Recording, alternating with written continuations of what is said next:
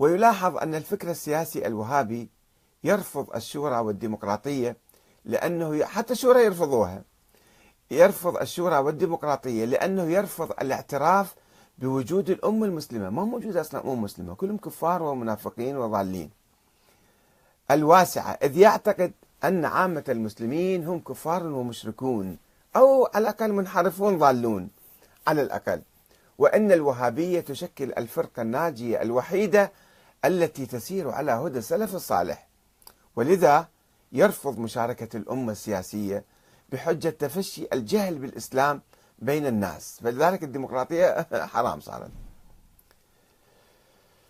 لقد رفض الفكر السياسي الوهابي الشورى أو الديمقراطية بقوة لأنها تقوم على مبدأ حكم الأكثرية الذي اعتبره منافيا للدين.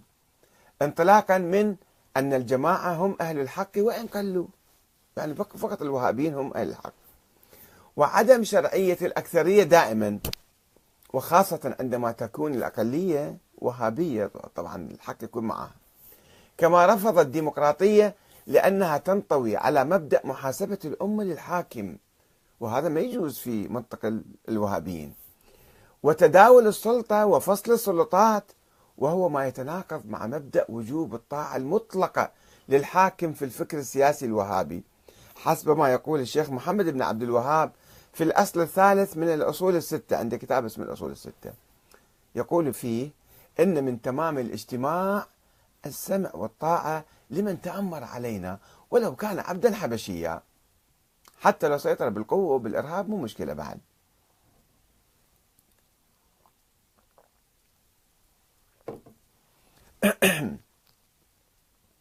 ولم يفرق الفكر السياسي الوهابي بين الدعوة إلى إسقاط الحاكم بالطرق العسكرية أو تغييره بالطرق السلمية الديمقراطية. فكل ذلك في نظره يخالف مبدأ الطاعة المطلقة المطلوبة من الناس. كما يرفض مجرد توجيه النقد علنا إلى الحكام لأنه يؤدي إلى الثورة. وحسب الشيخ عبد العزيز بن باز فإنه ليس من منهج السلف التشهير بعيوب الولاة وذكر ذلك على المنابر لأن ذلك يفضي إلى الفوضى وعدم السمع والطاعة في المعروف ويفضي إلى الخوض الذي يضر ولا ينفع. ولكن الطريقة المتبعة عند السلف النصيحة فيما بينهم وبين السلطان والكتابة إليه أو الاتصال بالعلماء الذين يتصلون به حتى يوجه إلى الخير. هسه بعدين يسمع لو ما يسمع يهتم لو ما يهتم مو مهم. وقد روى عياض بن غنم الأشعري أن رسول الله صلى الله عليه وسلم قال من أراد أن ينصح لذي سلطان فلا يبديه علانية ولكن يأخذ بيده فيخلو به فإن قبل منه فذاك وإلا كان قد أدى الذي عليه خلص بعد في ماله خلي يرتاح رجع لبيته أما الحاكم يستمر في طغيانه وفي ظلمه وفي عمالته وخيانته فهذا مو مسؤوليتنا إحنا. ورفض الفكر السياسي الوهابي الديمقراطية لأنها تتضمن التعددية الحزبية والسياسية انطلاقا من عدم جواز التحزب لأن الانتماء الحزبي بيعة بدعية منافية لبيعة السلطان وسبب من أسباب التفرق. أما الوهابية كحزب لا هذه ليست حزب. هي حركة تابعة منظمة ومسلحة وتابعة للسلطان. مثل حزب. شنو الفرق عن بقية الأحزاب؟ هذا لهم حلال الحزب هذا. وقد رفض ممار... هذا الفكر السياسي الوهابي رفض ممارسة عملية الولاء والبراء والهجر والمقاطعة في داخل صفوف المجتمع. إلا بإذن ولي الأمر والحاكم الشرعي. هو يقول لك أنت روح منا تعال منا فقط. ما لك حق أنت تفكر أو تأمر بالمعروف وتنهى عن المنكر.